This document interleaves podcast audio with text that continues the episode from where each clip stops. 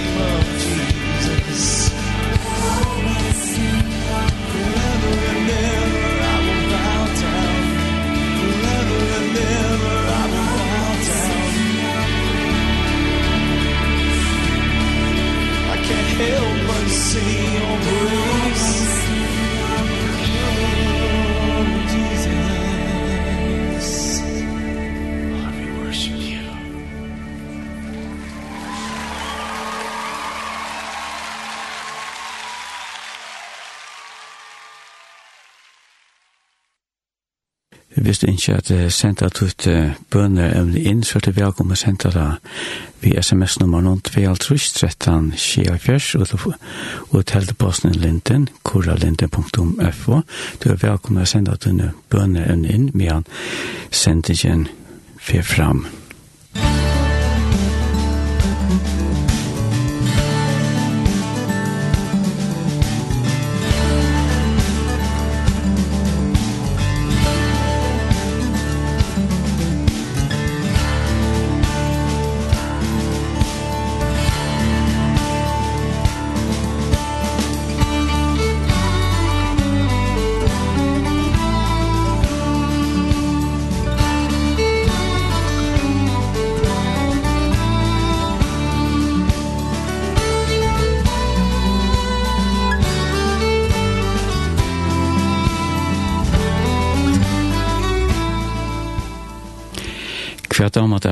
er flott som baden. Ja, det er nok ikke så ringt av Sverige. Kan man damer fra flott som baden. Det her oppdager jeg rettelig har kjørt. Hvordan vel er landet det for å flott. Og sjøen til tar man oppvaksne så er en plass. Hvert her var så vanlig, som jeg var sier det alle, så gledde jeg meg alltid til det at nå kom løtan hver som kunne slippe hvis de gamle har flott. Og det var allt det några särskilt för mig och jag upptäckte det nog kött och snart det sjöna tur till ja under rotliga center det där långt mer bara bättre ja så var det också turer ja. Vi körde stora svidnötterna och så ganska några efter och det var spännande för jag var en ung kan drunk som är vad släppa flott det må jag säga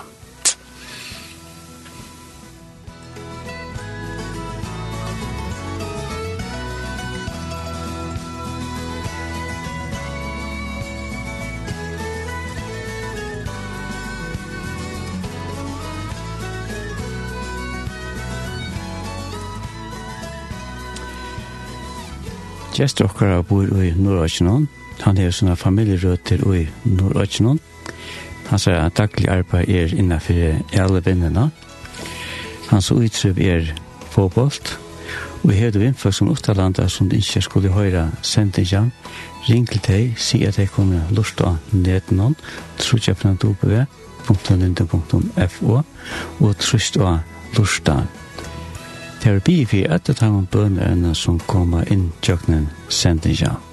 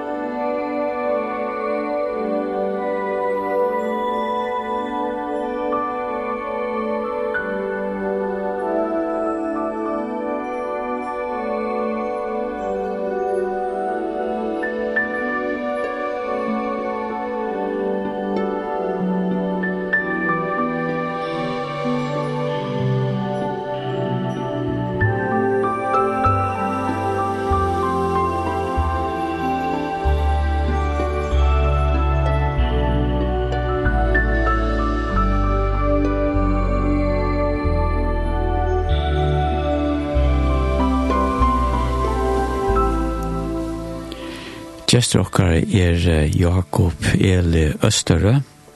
Han og familjan bygger i Klagsvig. Jakob, hjertelig velkommen sender seg. Ja, takk for det. Hvordan vil jeg køre så ord i hos om fire former etter øyne? Jo, jo, det var kjønn og kjøttere enn det pleier å være. Det, det er så måned godt, selv om man skal køre innan på kjønn nå. Det er ordentlig godt. En deilig latt, ikke det? Ja, ja, ja. Det er nok ikke bare jeg som sier det. ja. En deilig lagt, ja. Jeg husker eisen til at ta meg fer inn i tunnelen, så har man jo et utrolig vekkost ljøsspillene i her botten. Ja, det er Det gjør det ikke verre. Det er kryttet da. Det er krittet turen rettelig vel. Og anvendelig av ekkost. Ja, det er med sier. Ja.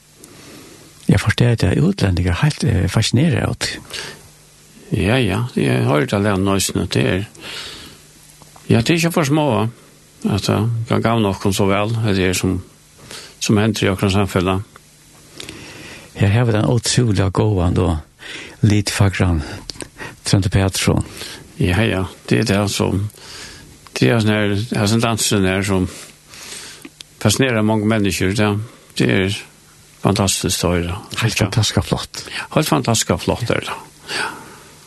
Ja, ja. Jag har hört om det som uh, körar runt om här att uh, det ska virka akkurat som det här land som ska landet då. Det är ju på en annan. Ja, ja, ja, men alltså jag har en bra korsflöjr för runt om omgården. Det har vi inte, men men det här man kanske ska säga det bättre, men jag har inte så snällt. Jakob Eli, hur är en upprunnet? Ja, det er... Hvis jeg kan si om en opprona, så... Min, min, han kommer faktisk fra Kalsøytene. Man kan si at mamma kom av. Det er sikra endan av Kalsøytene og papi ur det norra enda av Kalsøytene. Mamma kom og sier det alle. Og dette er Esposovøy og Jakob. Og her er, her er vi så røter i Mauer 8. Og så er det Mikla Daller. Det er papen kom herfra, Paul. Og mamma er til Jenny, jeg glemte hva jeg skal si. Og papen møtte Paul, og foreldrene John kalles Tomlina og, og Janus. Så det er faktisk opprådene som er. Det er kalsvøytene, hvor som enda kalsvøytene. Her er, er slektaver.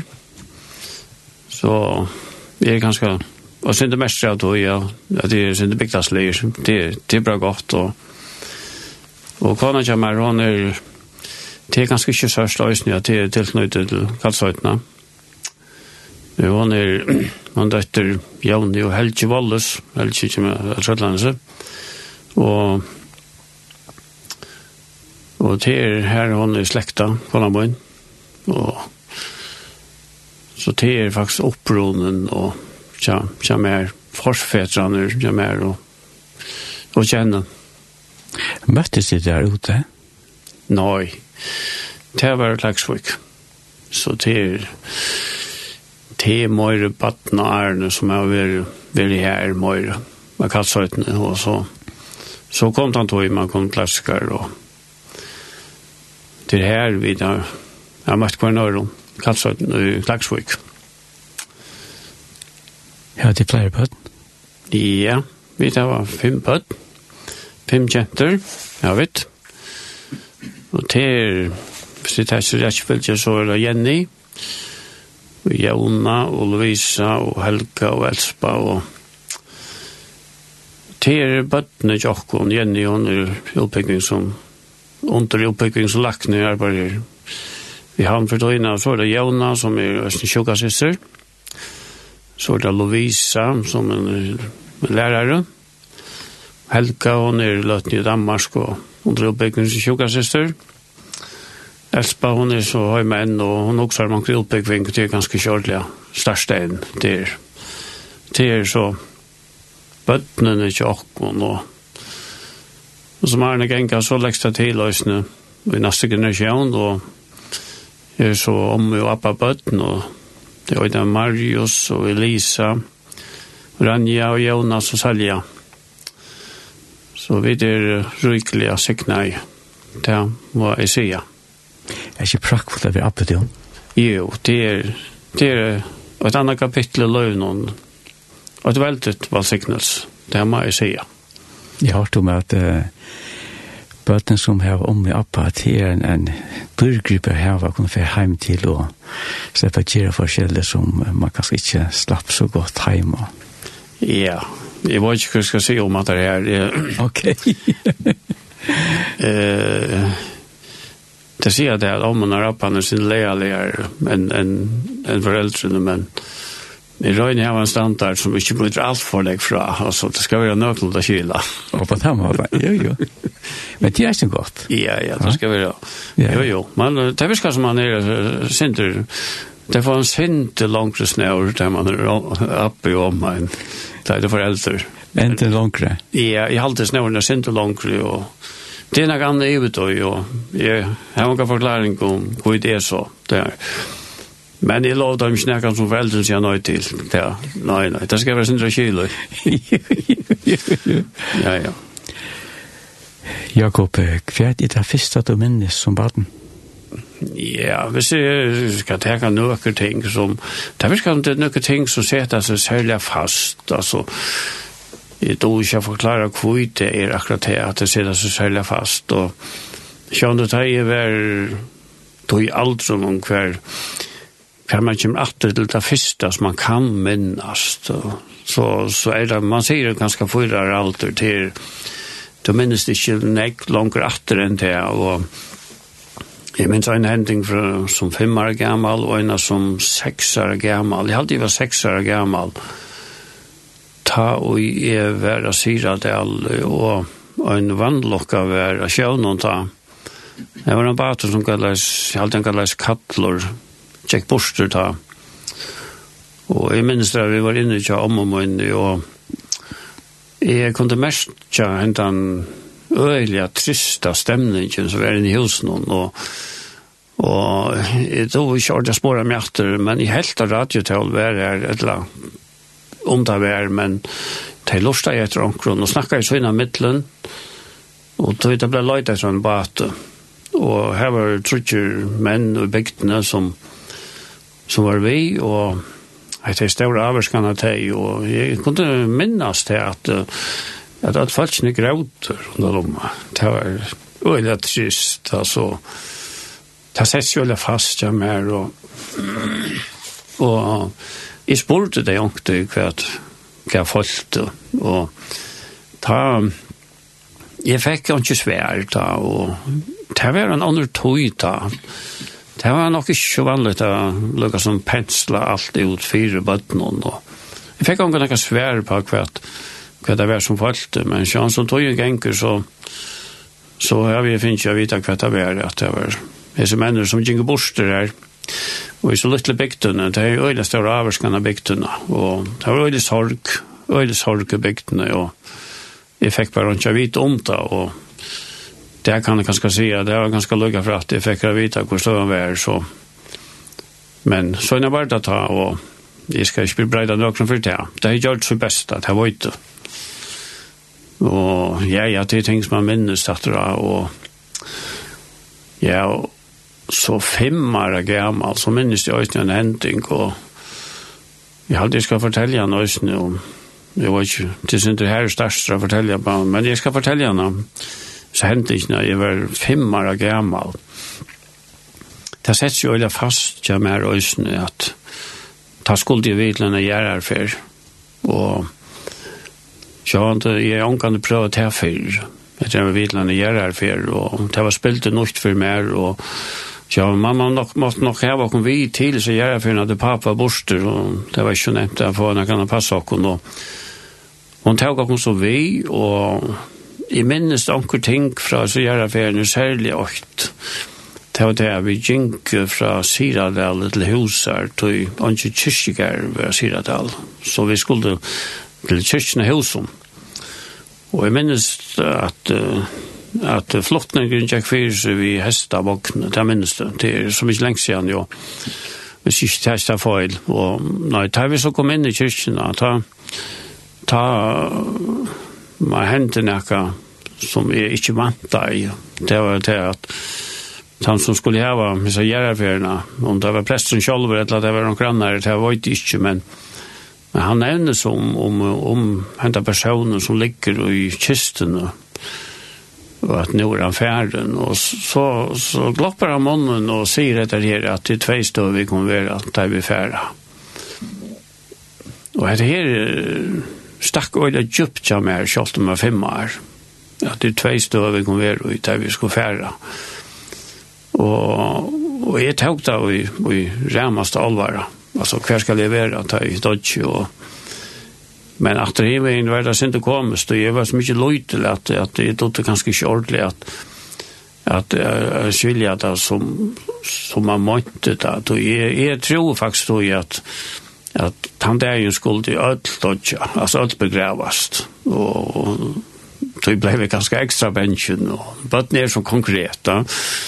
så jeg også sa, ja, så skal jeg nå begravast det, at det var grolig kyl, altså, så, så kommer jeg råd jo man litt overast hvis jeg skulle flytja til, til å begrava okkur.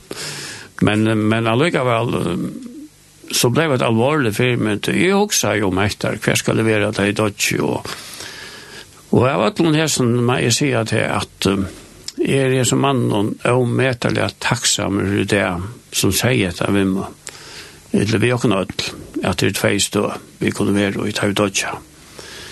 Og det er det største hoksom, at det som jeg visste ikke hvor jeg var, jeg visste ikke hvor han var.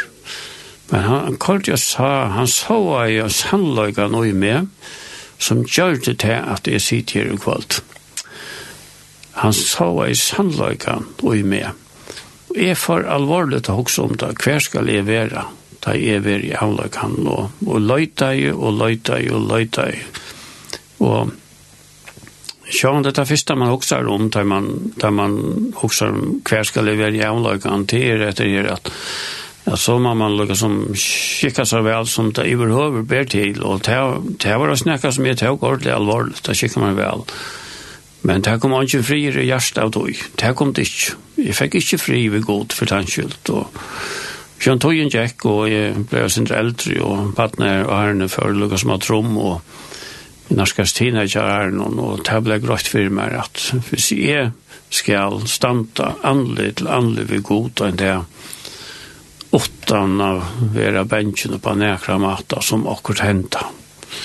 Ta kom etter inn mot lov som øyter at Jesus elskar syndare som er, og kan frelsa meg.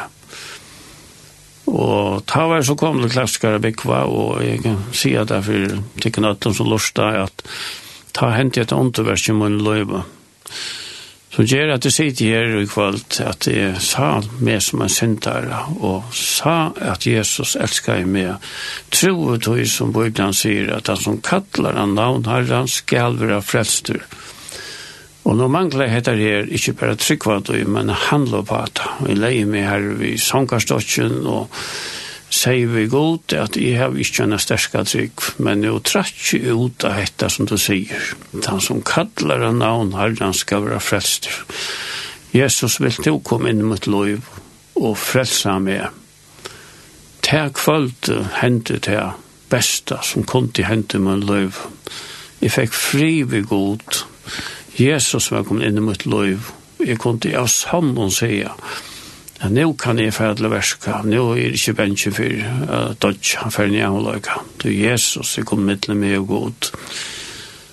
Så hette jeg løyka som det som du spurte jo om, hva var det første minnes at dra og i min badna døvn, det var det her, enda hentingen, syrgelige hentingen vi, vi som baden, og så hette som jeg fortalte nå, hva jeg ble vakter, vi er sånn alvarsam i åren at ein dag er løyvelig og hver vil jeg ta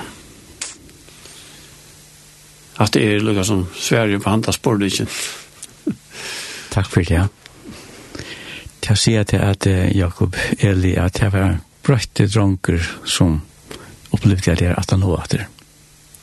Ja, folk kom det brøtter og Ja, jag vill inte ta som att det är vi människor om och det är ja, man kan bli föttra nutjon. Det är inte bara något som läser en bok, det är ju nog, men det har vi upplevt. Vet du, det är det bort det för Jesus, vad det kan hända. Det han kommer in i ett liv. Och du får fri vid god och du kan, man kan säga, vi fotlar med i arbetet för han åttan öttast. Det, är, det, det, det kan bara det kan bare opplevas så godt det er det, og det er ikke for alle mennesker. At Jesus slipper fra meg at, og gjør stilt her som du er frier. Trolig at det er helt høyre.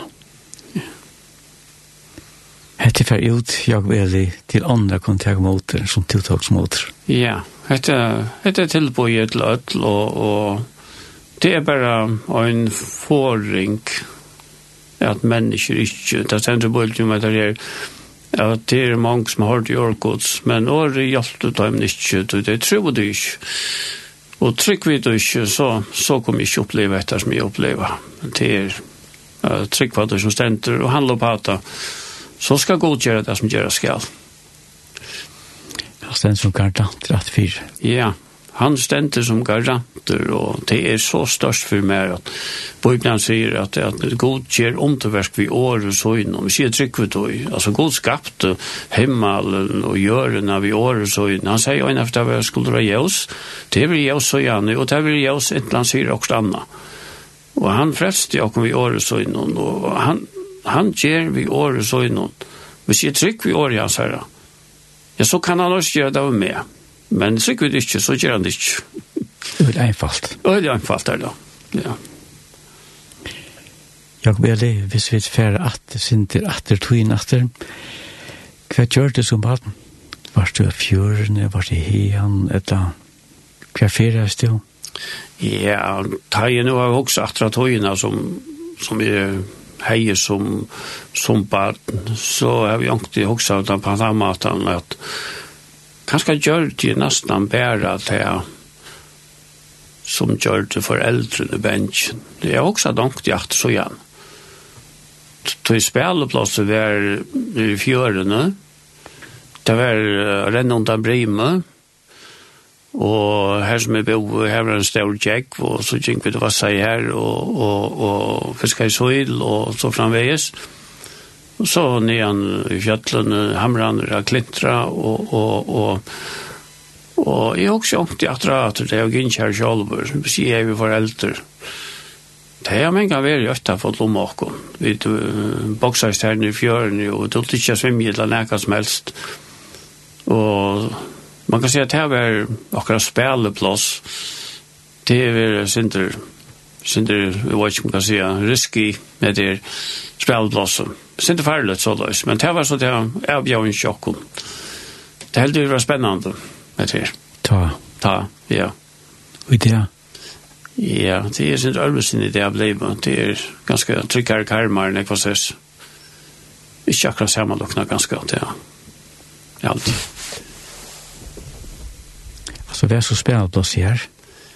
Ja, det er spennende her, og, og Jeg må si at her at uh, det var sin ørvesen da jeg må inn i badna, badna døven, altså da vi spalte på tammaten at Jeg sier at foreldrene var ikke så involveret i. Nå kan jeg også snakke bare for Klagsvik og, og, og sier det alle hver jeg, man kan si, kjenner mine badna badnadeier. Og da jeg også med Klagsvik, hvordan vi spalte her, Alltså vi kjipa i fyrir för og och mittlapla bøylingar her i Klagsvøk og, og vi kjørte skikappingar og vi tog alla möjliga kappingar og foreldrene var slett av døyles ikke involvera i Det var ikke med at, at, at genga til fotboll og koma vi bøtten til fotboll.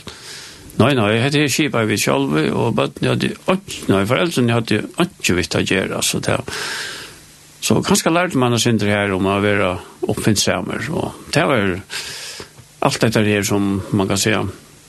Man smadranger, damer ordentlig vel. Vi gjør det ikke av oss ned og sned. Det var piser, det minnes du. Ja, du vet. Vi hadde hei anna folk om piser. Og så har jeg en til hosvittet med Og så gjør jeg bober hekkene. Så hadde pisene stikt noen her. Og der skulle det mætas kvømt det. Og så var man kajen av fiskasøy. Og alla priserna skulle jag veta och jag vet inte, det var ett annat slä av, av, av idrott eller ett annat slä av, av jag vet inte man kallar det utriv och tjockon. Det var, det var så gott syrke framför iPaden eller det var helt, helt, helt, helt örelsen var det. Det var, det var spännande just nu. Jag vill tacka också om till att tar man skaffa seg en pise og skal få eta. Helt ikke skapa seg en aper i en sjolvån. Aper fyrir pisen er kunna djeva eta som man kan flyta fram og tog og settne. Jo, jo, altså du, du fikk et forhold til du fikk et forhold til kreaturen, ja, at det er at nå er det min apel, den där skal leve det godt, og Och fikk fick forhold til naturen og det var alt enn standard. og, og jeg vet ikke om man kan nevne det i ösnen, men vi har alltid fällt mer enn, Så vi tar er med en arbetsplats och färg ut av fjörden i ikke, ja. Så grunnar det er rätt rett mer, Så vi tar først i gjerne gärdet till att geva, geva det, sikkert. åt. Så det där kommer vi mer och det där känner man och vi ser inte tar bli äta så pickar det bara ut när nu tror jag får äta och kanske jag kämpa härifrån från Batnia och allt. Man uppvandrar vi att vara har fåglar som källdjur. Så lengt fyllt det vi. Ja, ja, det er mange nemer, gamle fremmer. Ja? Tjobor. Ja, ja, det er det. Ja, ja. Jeg vil så godt takke at det er Ja. Takk for kvesten, tettene på dette. Ta noe kjent det, at du begynner.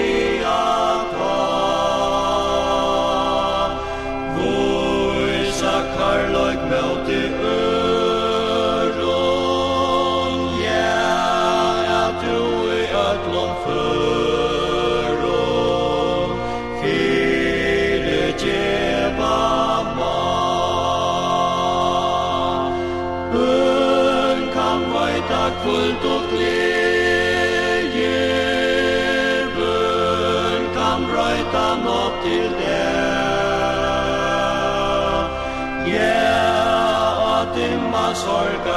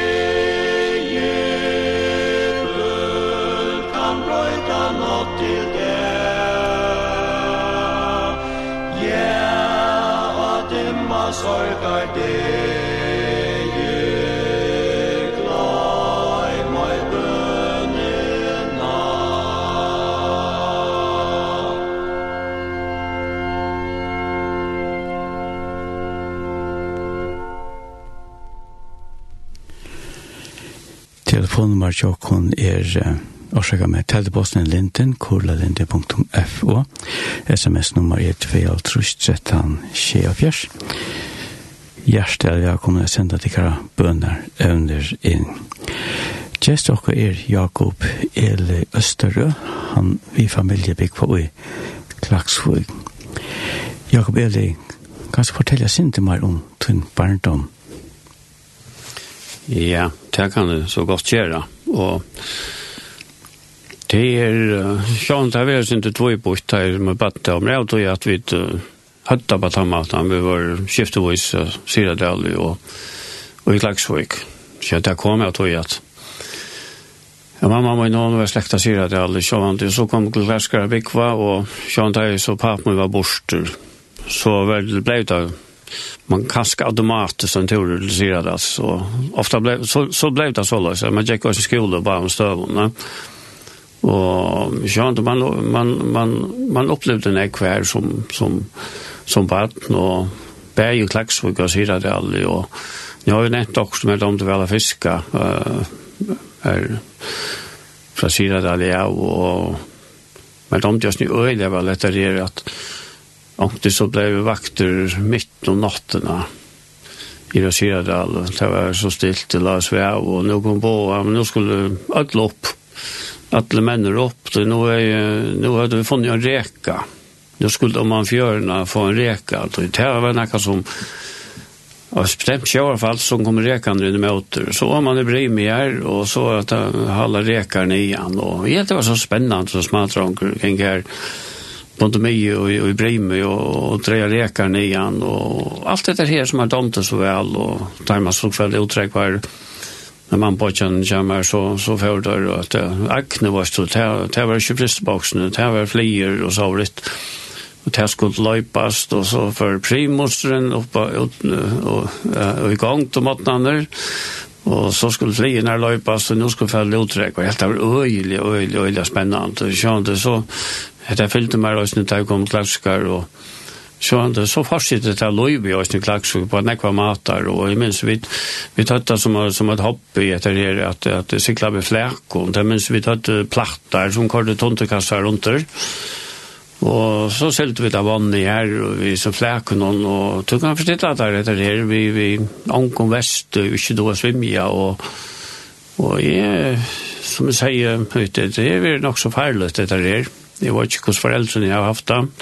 Da vi lå raukest ut i vannet her, vi, vi flæka og ankom vest og ikke stod jeg svimja og jeg vet at det var ankom det ble da nesten halvt gale kommer hver datter var en flæka og og hvordan jeg kom på at flækan, det var ikke stod jeg svimja, men men til er en gav hånd til vi rive mer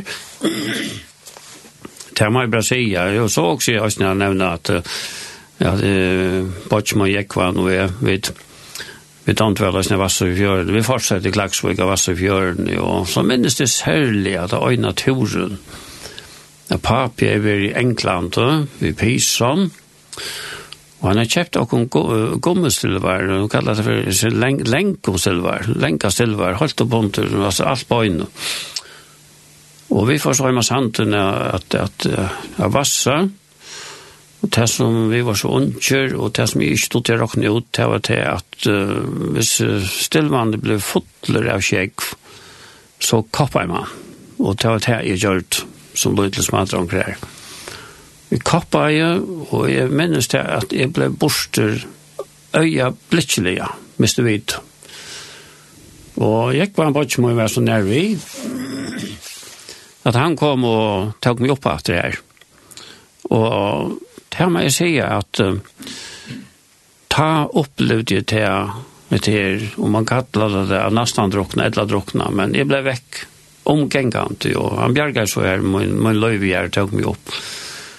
Det var, det var nekva sår noen som, som vi tog oss vi, som så kan jeg også som foreldre den kvart, för det er satt i om til, og vi tatt i hopp i alle møbelens og vi tatt i, altså løy hopp i, en en en man som mer som som spalten nek vi vi hade det här hobby att att dansvalla fänka fåglar alltså vi, vi fänka sett lojnjättar man tar så att det finns så folklarna så släppte du där in i chattlaren så ner kamraten och mer och och vill lucka som här och där termer här men så kan det minnas det att Ja, det var en med oss mye damthet som vi gjørt. Han som åtte, hvis jeg trønna, som vi gikk jo i fengt i folklær.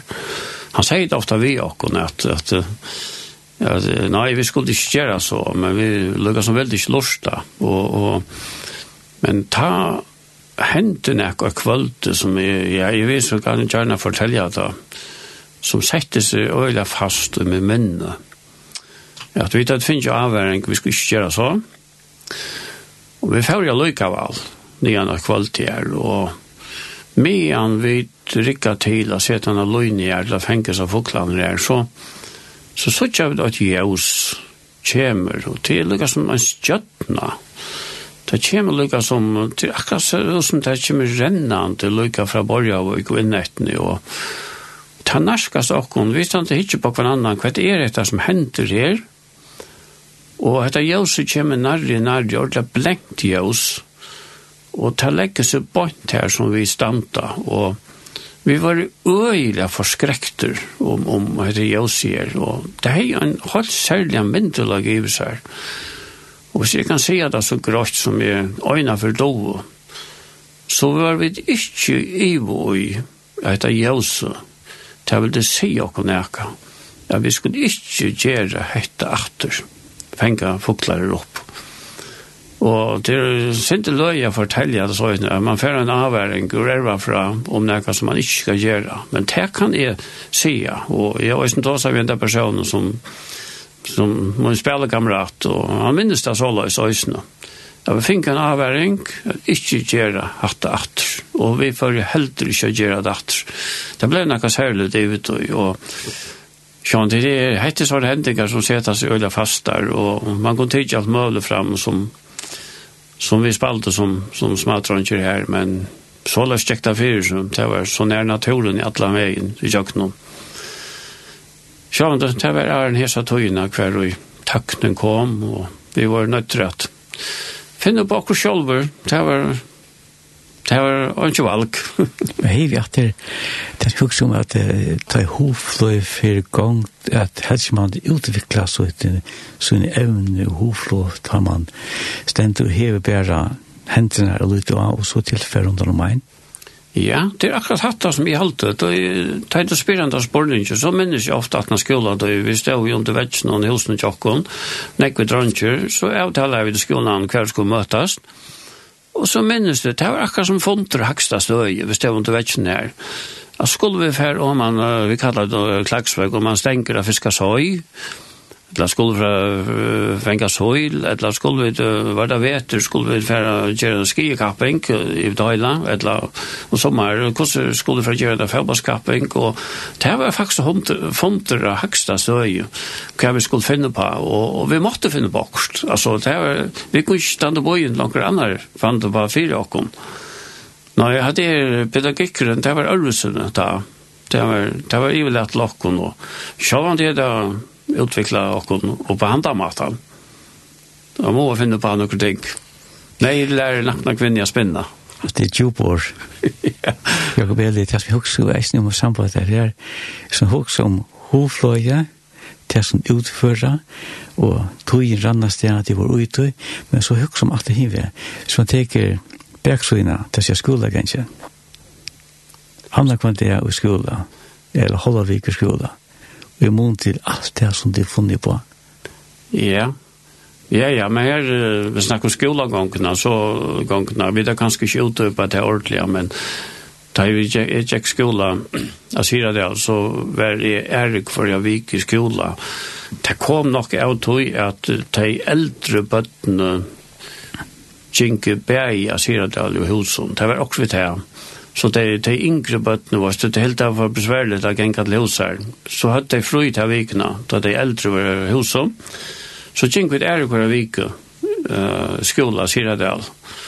Og jeg, jeg kan si at jeg minnes til at tøyna som nekka holdt, holdt særligt at gjenka er hver vike skola. Og, og sjån, nu har jeg prøvd at gjenka hver vike skola. Og jeg må bare si at jeg alltid lærte dobbelt så nekk er hver vike som hver vike Og alltså jag vet inte om jag har några förklaring på alla spata men det är något av att man är nästan allt från här och du är snart en touchar gammal du är så full av energi att att du klarar inte till att sitta stiller alltså flöjde timmar kvant det och kvarje vecka Och tajta så är det vik så så så faktiskt så löjda jag var alltså om du tror smär lite men jag glädde mig att komma skola. Og det er nok andre ivetøy, hvis du er så motiveret av det, at du gleder til å gå skola, og, og gleder til å gjøre skolating, så jeg håper flere høyre som gikk skola, men det gjør jeg ikke så langs. Jeg gleder seg til å gjøre skolating, jeg tror det ikke var så ofte, og ja, det er, det er området jeg vil motivere av til, til det som man gjør, og Alltså det är inte för att säga när jag ringt om skolan i Klagsvik, men bara till att man skulle vara kvantiga kvarja vecka, det var det var det synter det var ska smaka som horen han läppa i det synter ut det blev för nek för mig går så jag och för in det var man ska flyga on där ut in någon skån som ge huxa det samma ja i rocken vi oss inte oss näka visst det att det är oss näka till att göra kurser och lära alltså vi är oss i möska Alltså jag har lukkast observerat det här bøttene och åkken. Jeg har alltid jeg kan godt sitte og lære i skolen og, og, og, og fenge nok så vel det som er sagt. Og, men jeg, jeg hadde ikke jeg, bøyne å si hvert han typen, altså. Altså, jeg øyne riktig bare sitte og lusta og lære. Det var det til, hvis jeg gjør det, også, så lærte jeg det kjøter, hvis jeg gjør det da. Jeg råkker vi det er sånn ymeske, altså. Alltså inlärns ämne man då? Ja, alltså kanske som lärare mår vi vi ger att ja och och och sorgligt og nu kan det kanske nämna till att ganska nämna till att nu vikskift sista vikskift du var för vi har sett en kök samman ja döttrarna Och så säger vi det alltså det är inte så mer några teckning det är faktiskt skyld på några tekning, men jag kan sätta kursen sammen först og så läsa teckningen men annars klarar jeg det ikke. Ja, det var så hovallig å lese teknikken, og det skilte det vel. Ok. Så jeg beskriver vi det, altså. Ja, ja, ja. ja. ja, ja. Jeg, jeg, jeg er begrenset av noen av nødtjon. Det er meg i Brasilia. Hadde virkelig nekket det omhoksa? Hvor er kvært?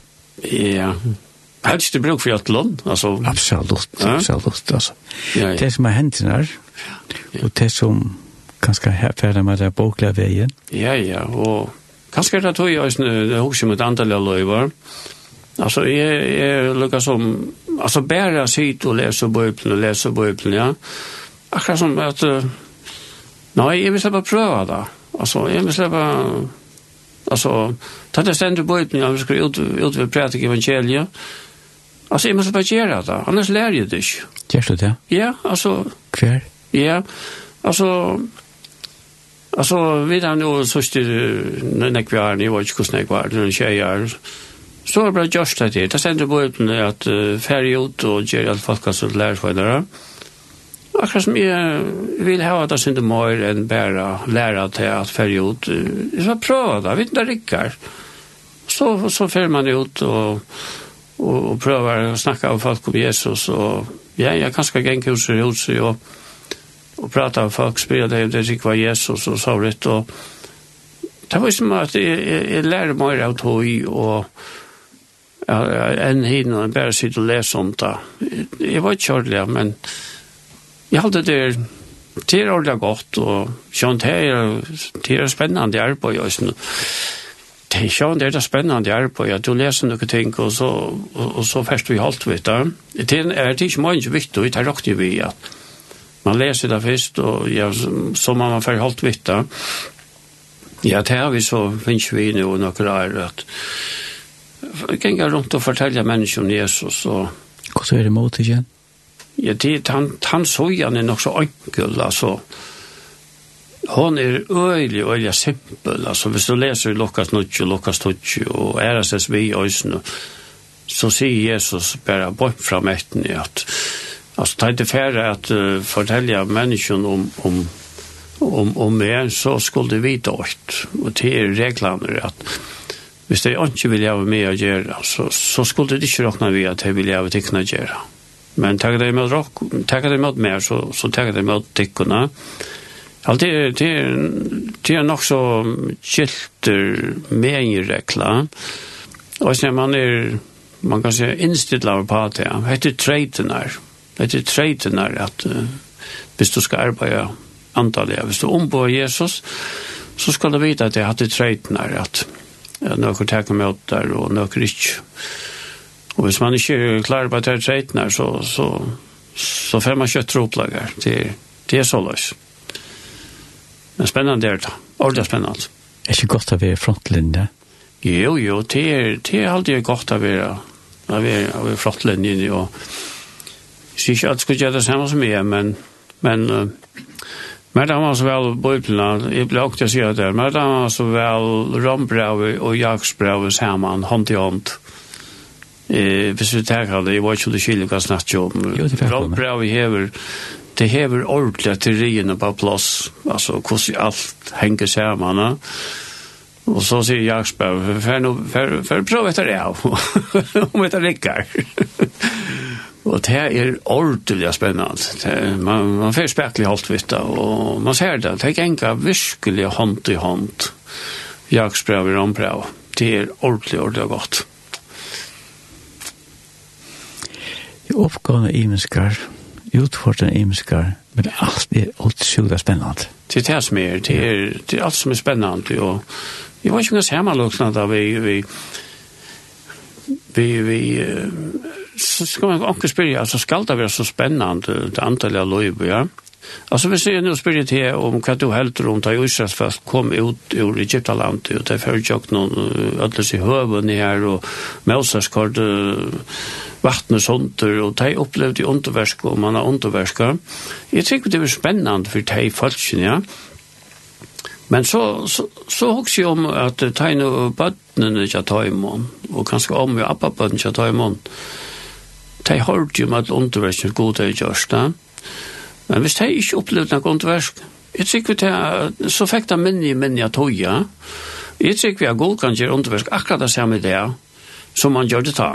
Og vi har bruk for det, altså ikke er god til å virke, altså. Det er bare å tåre at fikk hva og gjøre det Og det er slett ikke arbeidsinne her, enn tar jeg for i rom med av, Melsas for i rom med av, god til det samme, ja. Alltså vi har bruk för jag såg det att vad ska ta viskar i det. Och eller köttar bara kallna borste hvis man bara ser sig att dra. Man känner. Jag vill skulle ta ett lärt Ja. Jag hade tagit Marsten Johansen, det gav oss han utan det. Mm.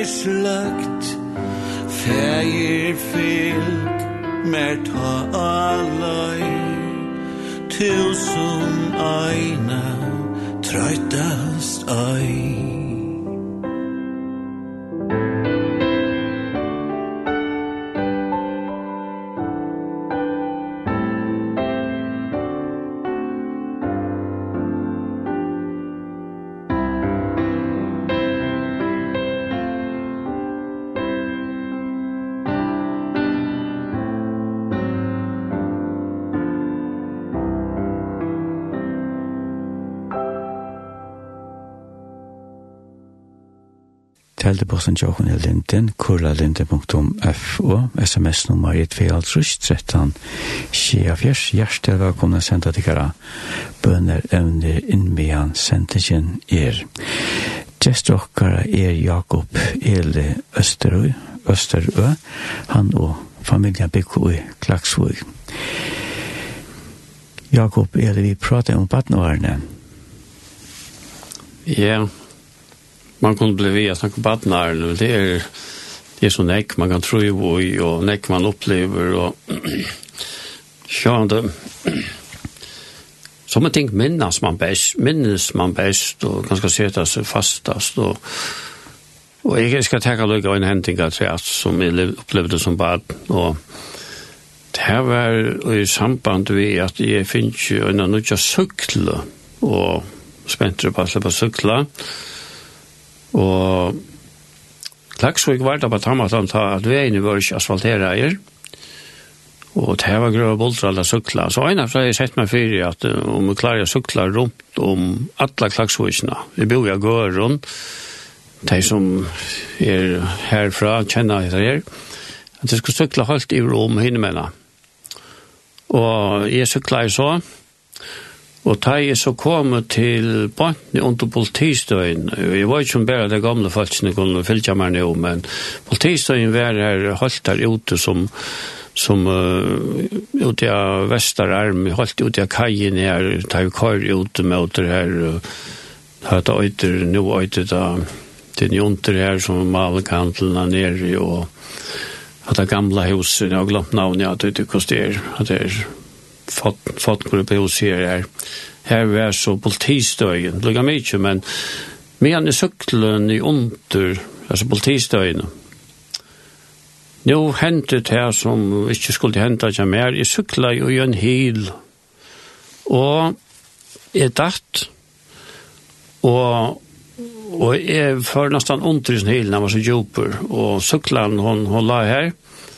Og med han er litt her, pura hjelparsleiser som var en smadronker her, så høyre jeg at anker råpar av meg. Og jeg venter meg vi, og, og, og, og, og så så att at anker råpar av meg. Og jeg så til at det er en, en, en uh, løkregle med over, som jeg ser der som ikke fyrir seg. Og han, han er lett å vinta opp her og råpar av meg, og, og så så ikke at, at uh, at en liten løt at nå kommer han og rennende til min. Og han er fotlarmondering montering i i klæven, og, og jeg husker vi mer, altså, det som ikke er vært i æren, det var nå. Nå kommer han politier etter meg, og jeg kan liksom skøyde på det her, at jeg har en øymynd av hva den politiet var. Jeg har alltid hørt dette her, at at en politier til en maver som setter folk i fangsel. Det var mye mynd av en politier. Og jeg ble neka, neka så bensjen etter her, da politieren kom rennende etter meg. Og, og jeg slapp meg så til røymingar og søklanla etter, og jeg krekk var i atan fra en hus her, og, og da jeg så politieren var ferdig vekk, så, så far jeg etter og, og snukte meg så spekla etter søklene, og Og så fikk jeg bjerga suklen etter og slapp til huset etter. Og, men det som jeg husker om, altså, Lukas som forteller seg som samband her, det var til at, at min mynd av en politier var til at en politier sette fast i fangsel. Jeg husker ikke tanken at det var en politier, som alle har hjulpet med er, så stakka strøntjen som var kommet ytla fyrir i dotten og syklene. Jeg dotte ikke å imynda meg til at han alle har hjulpet med er, og teka meg inn av politistøyene og ganske torska klæene og kora plaster på. Det dotte ikke å imynda meg. Og dette her, at man sier han jo med en tid høyre, at kanskje onker hever en mynd av god på henda matan, at hva skal god til en person som alle setter med og i fangsel. Og då dår ikke uimynda her at god atla hjelpa her vi omkron. Og det er mange mennesker som er har møtt på handa matan, at det forbinda god vi alt har ringa, allt att ringa, Alltså är vi utför så nekker rinkon, det är god som skyldna, och god att det er straffa meg, og god att det rattar. hattar. Det er doa inte øymynda som en god som älskar som vill ta mig väl. Och jag hoppas inte att sövan kan också säga att det är som lustar, ja, det är som politieren som är det god, han kan också hjälpa där. Han vill inte säga det är fangsel. Så takk god i allvara och, och, og, og trygg hvor han hvor han er, at han er karløyge og vil hjelpe til her. Det sier jeg vidt, og jeg hadde det vært det sørste for kan reipe om min, min, min badnar. Jeg, var ikke, jeg hadde sagt sånn ikke om min badnar nå, at Og da man bli vaksen, eller? det er det, ja. Vi kunne først og bojere. Ja. Ja, ja, ja, tjant, så, så växer man till och man gänger skola och nu blev det mer stabil skolagång till Klaxvik och tjant, här, här kan man ju i vattnaskola och ta vart på tammat och ta kjente flokker var lever så kan man välja ett la pastvis velja. Det hei òsken okkurst vi a gjerra hva mi alt hel man hei. Og man ville færre åttenda etla real. Og jeg fær så realklass her. Og tjekk til Arne i skole her, og her hei er a lærare enn a sira det alle til man sier, og, og det var et anna ungforv, og det var lærare som Alex Elstein og Bjartne Jakobsen og Asbjørn Asbjørn Løvmakleit, og det var flere sånne som Palazzo var øyne, han er Jakob Finnløyke, og jeg har alltid, det var øyne som far ikke tomt i år, det var alt, jeg kom klasker, det var Finnløyke, men godt nok om det. Så, men det var nekve lærere her, og skrev lærere, han stav Petersen, og, og, og, og nekve lærere vi, og Men jeg må si at jeg, at jeg halte ikke at jeg heier så øyne gav han hod til jeg gikk skolen det var ganske mye etter her at, at uh, jeg holdt til mer, mer handla litt arbeid, og jeg minns læreren, han, han ville ikke spille mer puss, det minnes jeg ordentlig av alle, og han har ikke mistanke om at jeg er bedre i hodet til annet enn å gjenge skolen. Han har finnes mistanke om til at jeg var øyelig ofte når jeg stanken og glagsvig og engt i at når skolen tog, og til at han til meg nekka så øyelig av all egna. Så jeg fantasera i meg til meg han, læreren forklarer i, at jeg får man egna. Det var ikke kyrkjelig til å lukke av, men... Men så åkte så fenga jeg med, jeg skrev av bøyden og læreren, og han oppdaget at jeg dottes løyte til øynene der igjen. Så kommer han at jeg sier at Asta så bare kjær, så sier han, jeg, Nu ska du lägga hendene av borre och du ska vänta läggvannar upp efter. I hok säger hva, hva, hva skjer her nu. Ska jeg lägga hendene av borre och leggvannet upp efter. Jo, jo, så säger han härst, men alle klassen har ja, här är hendene, det er så blå det är, det er blå och jeg är så sarheter. Ja Ja, jeg forstand det vel, gud, det var ikke dover det, at du er ikke til skolen, ting. Det var enkt at land gjør det, du. Så, Jeg må så, ja, ja, men hår var øyla gav ut lær på, ja, det må jeg si, og sånn, noen skolen ting måtte man gjøre, så det, det var så det, og sånn, så, så, marska i støyen, skolegång for leio, og, så, man kan skal se det for natten, og det var også en gav tog, det er, Så jeg vet ikke om jag säger så börjar jeg lyfta sig när vi över man skal täcka arbet jeg vet ikke noe løyve, og utarbetsmarknaden. Vad är det om det ja? Jo, men det er vel, og det er sindre av turbulens, og ganske det som er akkurat li leo i skola og skulle fære ut arbeidsmarskene kjenne etter det, altså du, du først ur øynene om fellesskapet inni en annan, og det, det er så litt, og brøytingar tog jo en løyve til en menneske, og vi minst det første jobberen i eget, det var at det var ikke lenge vi affæra, det var even veien, det var en kyrkjegær, og her ble min første arbeid. Arbeid i kyrkjegær nå. Jeg var ikke kan si at det var et etter arbeid, men det var et, det var et, det var det var sinns evensamt på tammatan det var ikke an på arbeid vi var så vi lå fram i grøven og vi har en fettelknøy og skår græs var stå eller borsknøy det var ikke kantklippar her og ikke nega så så man la vel en bukka over og, og, og, og snakka i så græven her og, og, og men jeg held ikke at jeg så svel ut og jeg var glad over det jeg Den kom til å begynne på en nære karriere, og begynte å regve ut, kjente det var ordentlig, det som er dømt vel, og minst den første baten som var vi, det var en som kallet Vatanes, en øye som er over 80, da baten som kalles Åve Vestløy. Her, her ble min første år som, som sjømøver, det var en seksarringer, og Det var øyelig harsløy, det må jeg si. Løy til svøvner og øyelig harsløy. Og det man sier, og sånn, ikke nekka ut.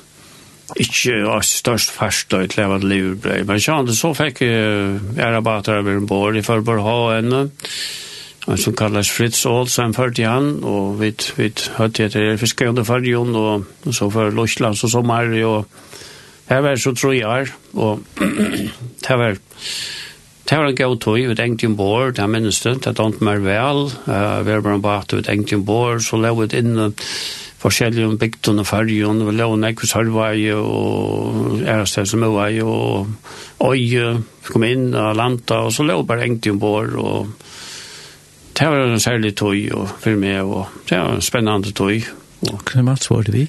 Det var vi åtta manns vi, som enken bor her ta.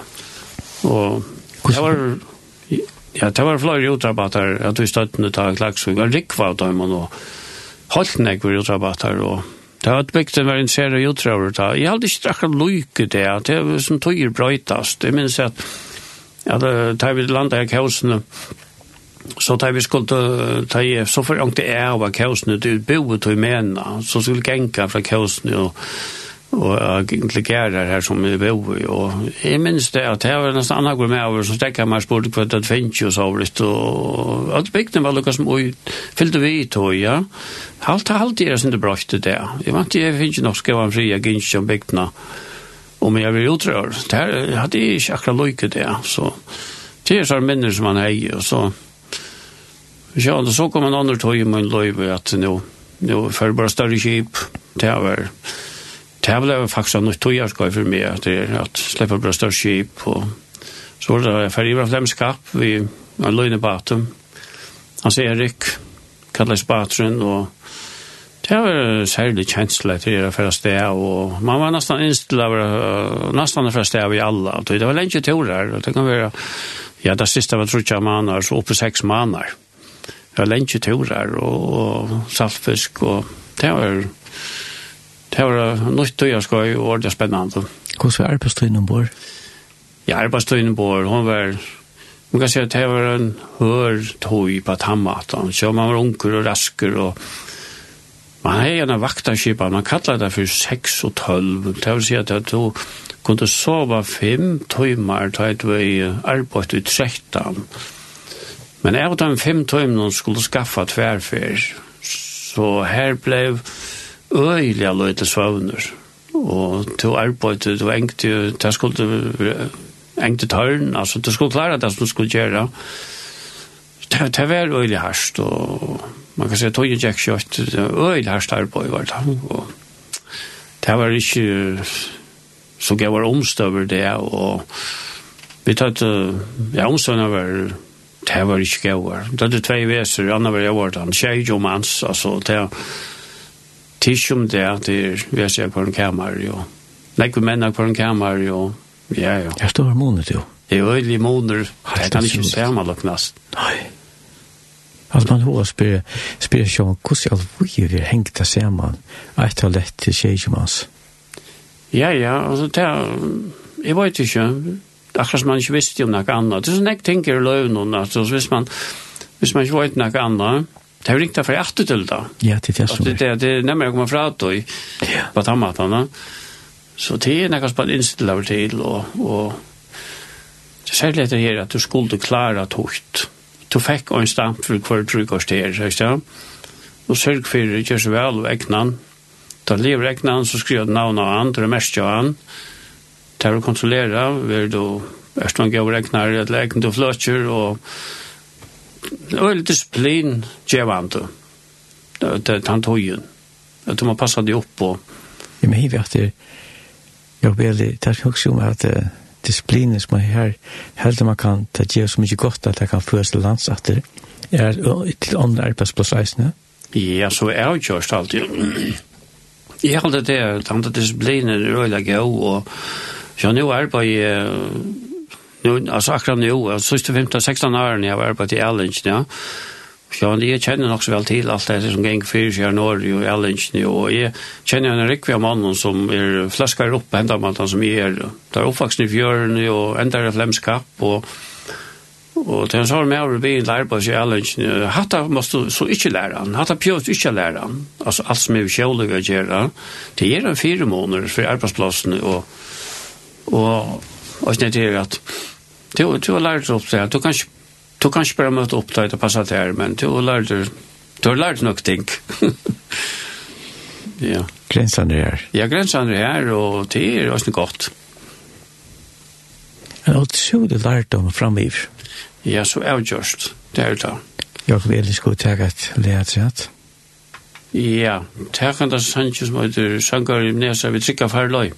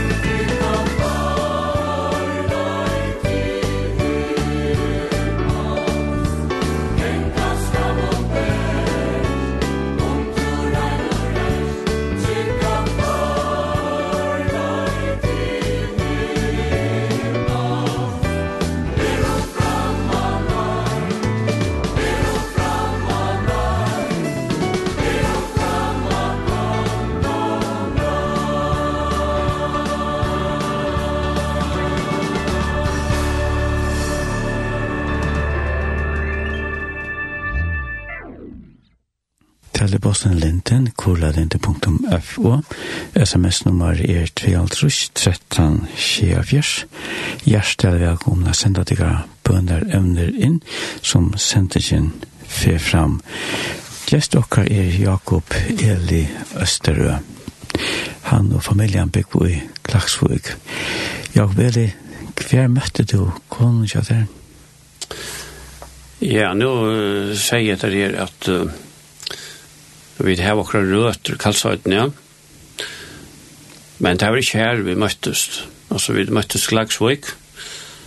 og sånn, nå er vi nok så etableret i, i Klagsvik, og vi tar var bare arbeid i Klagsvøk, og hun arbeider allmannestående, og jeg arbeider så, så bakker fra oss her på Borgavøk. og Og så vidt er rettelig etablere i klagsvisene og involvere i nekvann her og i samkomløyve og, og, og forskjellige som hører her til. Og, men vi møtte så klagsvik og, og vi kom så kjenne hver annan og her møtte jeg som en bedre helt. Og så kom den tøyen, vi skulle giftast og det var nesten det var blitt 30 år gammel.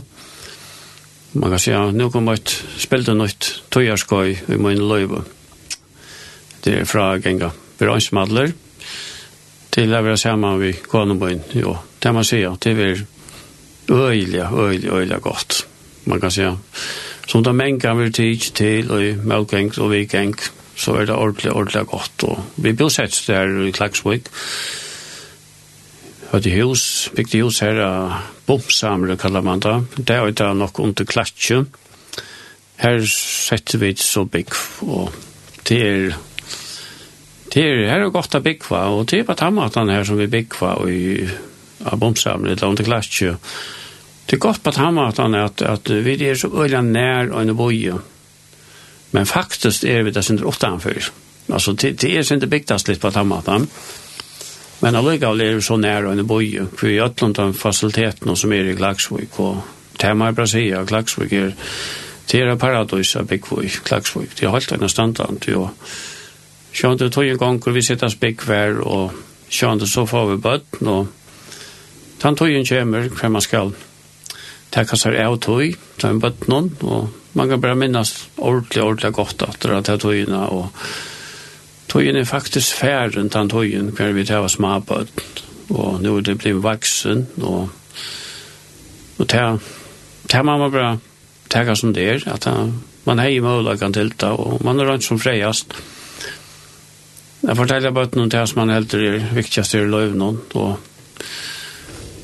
lære deg opp det som er viktig, og det aller viktigast av et lønne man rundt døysene.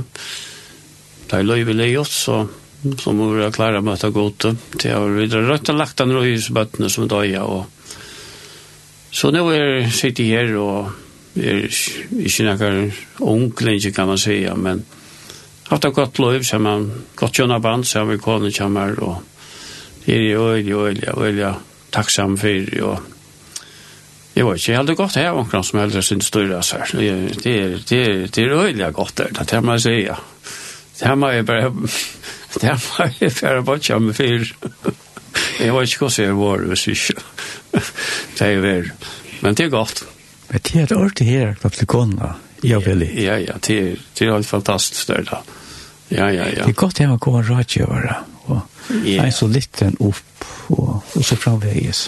Ja, det det, det er det, at hun, jeg så ikke bare det, at, at uh, hun dover noen ting som, som, som er slett ikke, er pura blottar av snøknær, og, Og hon hon hon dover virkelig noen ting som som er ikke, og da vi nå skulle försa sent inte att till börja med fortelle sin familjerna kamera. Mm Jeg sier, kom ikke inn av familie, altså, jeg er så pura blått av det en familie, altså, jeg, altså, jeg vet ikke hva det feiler som er, altså, jeg, jeg, jeg skiljer ikke familie, for hvis det er tom etter er mamma og pappa, det lever alt sammen som er, og jeg sier, fortalte for dere at, jeg sier det for kone som er innenfor, at, at du må ikke snakke med min familie, tog, altså, jeg halte virkelig at jeg, at jeg mangler en døylig høtten, tog jeg skiljer ikke familie, Och så hokte jag var på ham och säger Alltså helt ut och tog manglar bara öjndöjl i ötnon. Men hon är nog så skär. Hon är nog så ståttlig i öjsten. Hon är där jag manglar klöjrdöjl i ötnon. Men alltså det är gott att visst tar döjlen som är manglar. Visst hon är tar. Ja, det er det som er. Ja, men så är det så fantastiskt. Så ivlar man kan annan. Ja, så ivlar man kan annan. Det er godt. Så var inte kvar manglar mer men... Det er är lyckat det. Det är lyckat det. Kvar manglar döjler. Ja. Det är väl det är tjona ja det är bara så fantastiskt och ja ja och kraven är öjlig tar på ibland säger att det ska ska komma som Jesus ska samkomna. Och han ska vara med runt och ge men det är det är bara så fakta som är på ibland och ta jag det tack jag var. Det ja så är bara tacksam för det som jag tjona på att göra kan man säga. Det er fantastisk gave at det har bil som har fjær som er maffer av kone. Til hun kan snakke genka vi egnom tjøkken liv, ja? Ja. Beie viking og mokengas.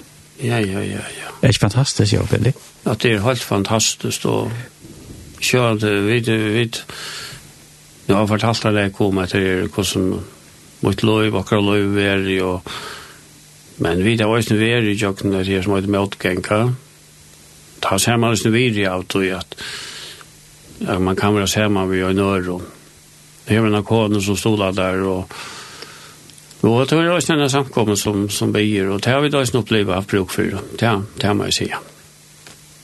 Och kvantat?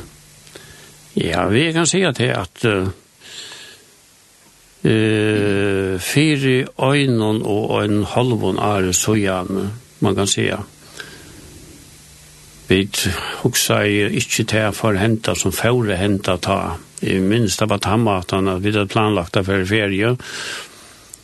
Og det var alt planlagt, og det er fire vi skulle for ferie. Vi er i et lærbøy som vanligt, og jeg var litt i opp, og jeg fikk en enda i bøtjen.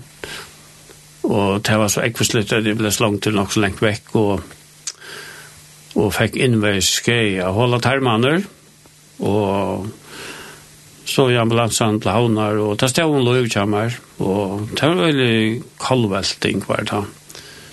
Men det som var sinte løy i hoksa seg, at samståndes for kona må inn og vite at hun er i krabba må inn i brøsten. Det kom alltid sen etter her, og, og så var det. Og så var det øtna vi over midt ut i høylas, man kan si, sista sommer, eller nå er det nast sista sommer,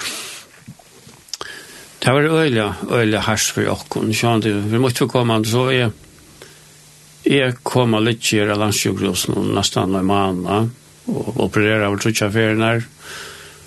og det, det var en hør toja for jognon, og særlig at han toja man, ikke visste man, overlevde ville til litt, og så hoksa man at og så er dette her, og man kjører, man løytra godt, og, og han hjelpte i øysene, til han må sige, og Og for familien var det øyelig, øyelig svårt. Og så skulle konan komme under operasjon, og snø ble øyne og tverre, så ikke ferdig. I halte vi ble opereret i bæg i tjei i ferien her. Det er sommer. For han og han, så ja. Vi ble opereret i tjei i ferien. Og det var øyelig herst, og akkurat operasjonen gikk fyrir seg nere, Danmark. Og, men vi er da god til takksom for at, at vi ble frisk, og man fikk også egen jo fyrir hvordan jeg vi ha bruk for hver nøren at vi har bruk for laknån og øtlån dem som arbeider i halsversen og det vi takk som fyrir og medelig takk som fyrir hva arbeid som de menneskene gjør og Og så også om alt det som bor for Jakon, og hvordan vi mest til, hvordan vi hadde bruk for Taimond, og, og så mest for dagen etter at som kone med over, hvordan vi hadde bruk for hver nøren ta, og Det er ganske gjerne at man er sinder menn i vikvistisker og ordentlig her, at vi har virkelig bruk for hver nør som, som mennesker. Og nå har vi så kommet fire med, man kan si, nok så vel. Og konan ble øyne frusk, og vi er gode takk som fire. Ja, vi kunne hette der, så jeg vet ikke om jeg skal fortelle ofte til at om det er et eller annet Du er mer enn velkommen til deg, ja. Ja. Ja, ja, så... Så også er jo med det at, at ta i la sjuksen og i havn. Så kom en lakne til min her og en affær, og disse lakne som jeg finner så veldig hjelp fra, og ta en seier så ved meg at Ja, tar man vid jøkna såret, så kan man få et som øyder et trauma. Mm man väljer ofta narkose och og finnes det å skje, så kan man få et som et trauma. Han kallar det også nu för för psykisk problem. Det kom ofta att när så så en ung kanske. Och jeg leier meg i Gjema, det som han sier. Og han sier at han ofte kom til en av vikila tver, og, og det kom også, ikke han var, det må jeg sier jeg fikk det øyla tropost, og det ble så mye tankar, og, og jeg vet ikke om jeg kjenner etter retter som vi snakker om, men tankar som mynte om tvangstankar, altså jeg var bare hoks om hvordan vannløst alt var, og at jeg får ikke bli fruske retter, og så kommer så akkerende tankar om at Altså, hei er nu ikke steg her som er steg og ta og i skreien vær, så er det ikke her ut og hei, just hattar betur, så, så jeg vil kalla det også etter som er skilt følelser, altså hva er ikke nekkar kjenne til som, som lustar er, det er skilt følelser, altså man, man, man Man vil mynte om nekka som man gjør så gott, alle togene. man slipper ikke på skjort og, og og det ble så rævlig svart for meg, akkurat som jeg slapp ikke på skjort ordet som tanken om, og, men jeg fikk en mistanke om at, at, at, at kan det være hin ønt satan sjálv som røyner at få meg nyer ved nakka honom. Og jeg har mistanke om det at jeg kunne spille inn øysene. Og tog jeg hei bøyplene littjande klara og for øyne sier det så grått som jeg kan jo, for jeg ønske skal ivast og dette er sannøys som jeg sier. At medan det stod myskast til, da jeg orska i ringast, så, så, så rette meg etter bøyplene. Jeg leser noen vers, noen holdfag vers, vers, Og jeg begynte å lese det hardt. Og i mest bøyna vet jeg at, at jeg leser en bådskap om god, som ikke gjør mer myska tankar, men som bare gjør gauar atlan vi mer og så nekka. Og nå vittne jeg for tekken atlan som høyre, og det er så med løtt i lesatar, Blev da fullstendig stilt inn i mer. Jeg ble fullstendig grøtter. Det var et underversk. Det og er pura samført i det om at det var tøy at god grøyp inn i mitt liv. Satan atle jeg få meg å missa møte om alt, men god atle jeg meg få møte på alt. Og det er hjelpte å lese hva god atle vi mer. Det er man være med vittnesbord her, og det er norske sendene sendene her, Ja, god er veldig at vi leser hans her år og teka det til okken og såret og Jeg vet ikke om du har en sang nå, så kan jeg fortelle hva jeg gjør, kan du det? Det kan man det. Ja. Hva skulle vi teka, eller hva skulle vi teka? Det, det gatters, vi kan det metalt. Ja.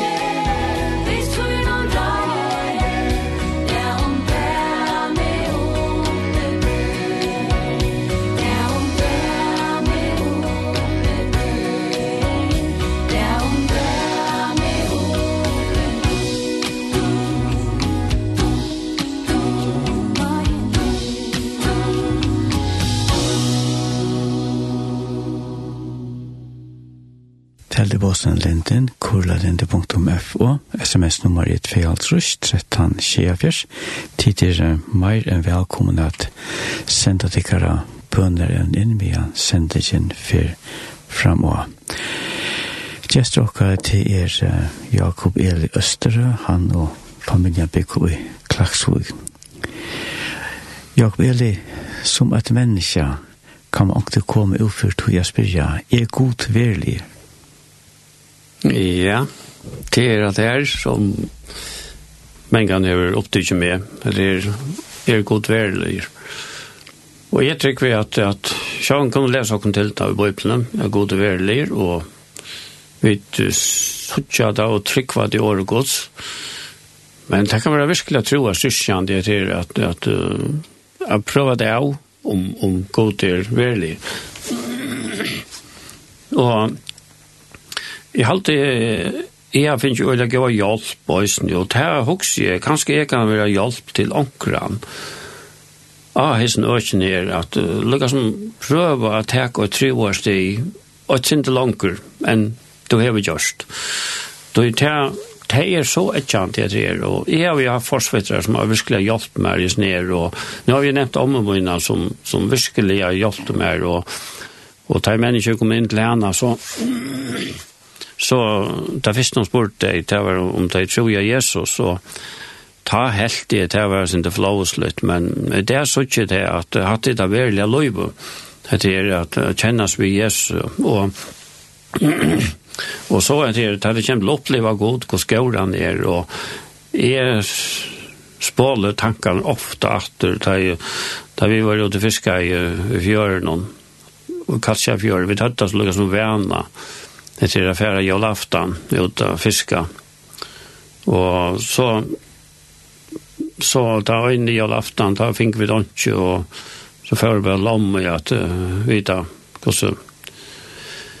Kossa när jag da og en skön glädje jul og så har nekka og hun spurte inte fin finns näka. Och vi at det er vi da jag inte finns Så sier hun etter her at uh, alltså hon ska för att be alla god om att vi ska få fisk. Og det er jo øyne større avvarskene med det er at at en kvinna sier at, at, at jeg skal fra bya god til god at jeg får fisk. Jeg er som så omgående oppleva til at at man at man bøgnløys prøver i det som man tror og det opplevde så her og jeg vet ikke om jeg skal si at det er første ferien her men Og hon sier så at de skulle få en drekka med fra mer, og så skulle de føre prøve ögna för att se fisk. Du, jeg skal ska bya god, bya god men de får fisk.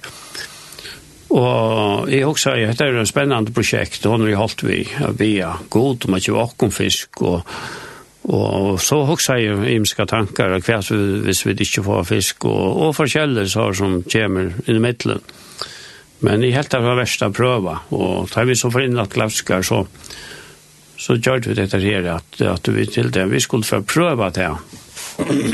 Ja. At kasta atter og vite om vi finner fisk. Og vi kastet i så snør, ja, vi er inne at klasker.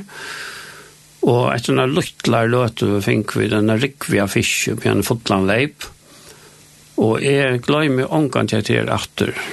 Etter om man ber om at vi skulle ha fisk og finne fisk. Og Och heter Lucas som ger blåa tonna her här att att to to er här forsvetrar som inte bara tryck va men så handlar det rösne på att her och det handlar på att och jag har lært så näck vi har tagit emot som är färre runt han och och inte Lucas som ger vet bojar, og och annet døm jeg kan ta rösne som inte placerar det alla men inte långt veck till Tyskland och att här kommer jag sammen, och i bönar tar vi en mann fra, han fra norr Irland Og han fortalte meg en øyelig, øyelig gav søve som virkelig har sett skump i med.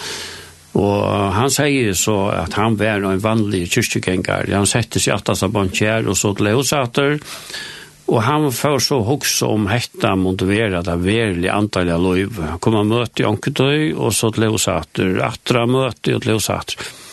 Så ikke nakkan av dem som sa det framfor og så til høysater. Så sier han dette her, som jeg ikke glemmer etter. Han sier til ham, at jeg spurte god om hetta var meningen vidt i antallet løvn. Og så sier han dette her, at så lett ikke jeg sove, og medan det ikke sove, det kommer god til meg en dreime. Og god sier så henne vi med, han sier det i årene, Jeg sier det enskon, det er ikke ringa skilja, sier det i tøyla. Han sier vi han, will you be a fool for me. Etla, hvis hun kan si det på en hammatan, altså, hvis jeg omsetter sinte på en ørvesen enn direkta, tårer til å gjøre det for skammen for meg. Tårer til å gjøre det for skammen for meg. Etla, vil til, vil til, trakka ut, Han sier, det ble så grått for meg, sier han, hvordan stolter jeg er. Det tog ikke tår, jeg er så stolter. Og jeg sett meg for at jeg får prøve å bia for noen person, og jeg begynt. Og så sier det som jeg er, og jeg er, og jeg er ikke stekka over søgjene. Så jeg tørte å trakka ut det hettar av gode staurer og handkjør underversk. Og det er ikke for alle, alle, alle mennesker, at det er at det er sånn hvor større god det er, hvordan han elsker okken, ikke okken til aller, aller beste, og at vi tar at handla og trygg på det. Så jeg må bare si, anvend til det at god er verlig. Så jeg vet ikke om jeg kan høre sangatrett nå. Jeg kveffer det skulle teka. Eh, hvis jeg tenker på testakjøret, lort å høre en bådskap gauan. Mm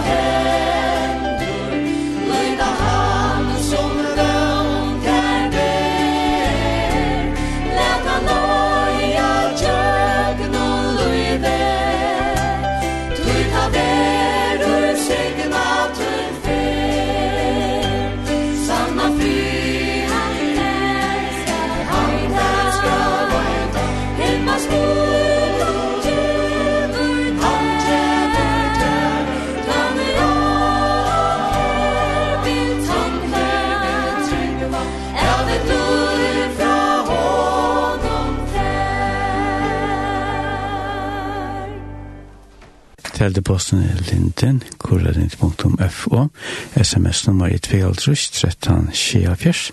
Tidligere hjertet velkomne å sender dere bønner under inn. Vi er sendingen fyr fram, og vi er bia fyr tam bønner evne settende vi sendingen.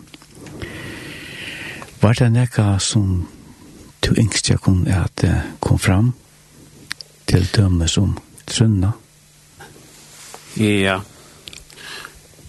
det er alvarsamt at vi er et menneske.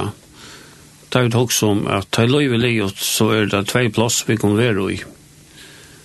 Og det er ometelig, ometelig alvorligt. alvorlig. Og tog i området jeg gjør seg drøyer å møte god. Det er alt, alt avgjørende. Så kan man säga, altså, hvordan gjør jeg meg til røyer og møter gode munn. Og ta Bibelen hever grøyan, grøyan, båskap, og jeg kan kanskje øsne nevna noen ting som er suttje øyelig grått, er en forring for at vi ikke får fri ved god, og tæn forringen øyter stoltløyke. Stoltløyke kan komme inn på nekva matar. Jeg kan dem si at, at hvis jeg skikker meg vel, så slipper jeg lemme, altså. Altså, det er min stolt stoltløyke at jeg er gøver nok. Og jeg kan også si at jeg, men jeg skiljer ikke ordentlig årgods alt. Det kan også være min stolt stoltløyke at, at jeg, skal være, jeg er så klokker, jeg skal skilje alt. Men nå handler det om trygg, og jeg må ikke, altså. Og jeg vil kanskje nevne i det at, at, at ja, Bøyden snakker om å komme inn om i trånga postur, Og Bøyden sier at her at nek skulle røyna komme inn om i trange postur, men ikkje kunna. Og hvis vi nå lukker som stekka vis ned, altså hvordan ber det til at men, nok, nek mennesker skulle røyna komme inn om i trange postur, men ikkje kunna. Altså hva er så ringt vi å komme inn om i trange postur? Og jeg må bare si av Røynton at jeg er ferdig hva det er som er så ringt vi har kommet inn i tranka post. Hva er problemet? Hva er det større problemet som er som menneske? Og du skal ikke snakke med mange mennesker for du oppdage hva problemet er. Problemet er til at jeg vil ikke ei mye Jeg vil ikke ei mye Det var två män i bøtene som bare i rönt jag kom inn i tranka post. Det stender om en tattlare, og en forseare bare rundt jeg kom inn i tranka postur. Og, og farsieren sier, jeg er så gauver, jeg er faste og jeg beie og jeg er så gauver. Og, og det var hans her mat jeg slepp inn om tranka postur, men han slapp ikke noe med tranka postur. Men så gjør det toddlaren noe som var nekv, nekv, nekv verre å gjøre, for jeg holdt ikke honom. Han sier, god vær med synda jeg nægir. Hatt eta trånka postu til og menneskjon, han sier, jeg er ikke gøyber nok. Altså, jeg har bruk for hjelp, for jeg kom inn i himmelen. Jeg må komme her til å si at jeg er en syndar, Jesus, to elskar syndar, vil du frelsa meg. At det er så grunnleggjant at det her problemet jeg og menneskjon, at ikke vilja bodja seg for tog, at Jesus er han øynaste som kan hjelpa meg å slippe inn i himmelen. Så gav til som høyrer, altså, jeg i sin her, i er veldig om verleika, at jeg må ei må gjemme for Jesus, og, og hoksa at det hektar, at hvis du to og Jesus er viner, så er du øysne viner vi godt. Og god, han sitter ondkje eika krøv til tøyen, til Jesus er kommet inn og ut tøyt loiv, og han er han som skal sværa for det at du kommer inn i himmelen. Og til skal ondkje øytas, djevet til iver, jeg sier det, en øyna for, let atlan stoltløyka færa av ötlans lea, og sier Jesus kom inn i mitt loiv, til skal oppleva det her, Ja, ta fast en rattvis som er lengt om man för det som du klarar og er god for en rattvis gör det. Så skal du leve det at det er spennende løy. Ikke tog at att jag kan se at det er at det er lagt løy. När vi här var startat veckan en fortjunda, en fortjunda, en salar fortjunda som attlar att jag lägger åkon. og kan han ikke få at det er blir frelster, så attlar han har at det er fyra at to skal kunna leva sikrande for han. Klarar han ikkje for at her fyr jeg blir frelster, så kanskje han atlar affæra.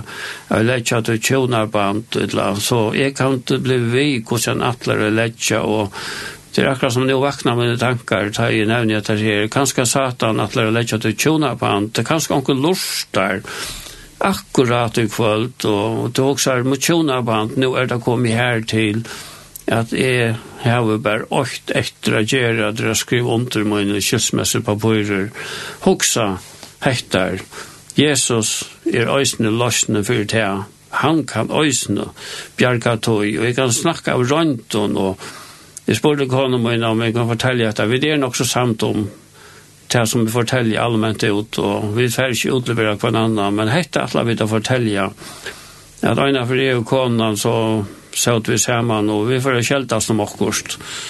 Du kanske löja sig att det är kältas. Jag kältas kommer med över. Kanske onkel är lustar som hävdar så. Och vi kältas om akkurst och Og vi kjente det ble så kjegilet inni i okkon. Det var akkurat som det var en sånn ønskaper inne. Og så satt vi nekka vi kvann annan som i halte to skal lusta etter nu som høyrer. Det gjør utroligt, men er fantastisk. Vi satt jo en annan medan vi stod i kjelta i sted. Satt vi tettar, kanskje er det satan som er ute etter okkom. Skulle vi ikke få prøva å be han vujtja og Jesu navne? Satt vi medan vi satt i her. Det er ikke nevnt å si at det, er det sørste man har hod til da man kjeltast. Men vi var samt om å gjøre det. Så kanskje var det satan som var etter okra tjonaband. Ja. Og så satte vi dette her, og det var ikke noen sånne firmynderlig bøn, vi, vi, vi, vi noen særlige ritualer. og vi satte bare bort så ettene. Satan, du skal vike fra åkne Jesu navnet. Det er det mye løte vi satt i hattar. Det er det som løte vi satt i hattar. Jesu navnet kom fram med at miste vi hoven av kjeldast. Og jeg sier, Amen, halleluja. Halleluja vi miste i hoven og kunne klemme på en annan, tog vi visste jo at det er færre at det er kraft og Jesu navn det kan ikke bare frelse mennesker for helvete, det kan bjerga mennesker og en tjonabande, det kan bjerga mennesker som er avsamte mittelen kvann annan, her som Jesu navn slipper fram et, her ma satan vujtja, Han er ongan chans til bare trakka ut tøyta, og til å gjøre det, og tåra det, og handla på det, og oppleva at Jesus er den samme som han alltid er veri, og han blir ongan til avmoderne av. Han er stadigvæk hans hjemme. Så er vevne og be etter at Jesu navn skal være øynene kvarjon som høyrer og kvöld, til en veldig sikning og en veldig hjelp Og var det ikke Jesu navnet, så er jeg slett i behøver ikke til å si til her i kvalt. Så har jeg ikke djeva, men Jesu navnet, er av Jesu navn, og jeg hadde ikke skal si han ikke mer at jeg er sånn. Men god var sikkerne til jeg som, så lorstar i bygget til, og Jesu navn. Kan jeg høre en sannsyn om, visst om Jesus? Ja. Ja.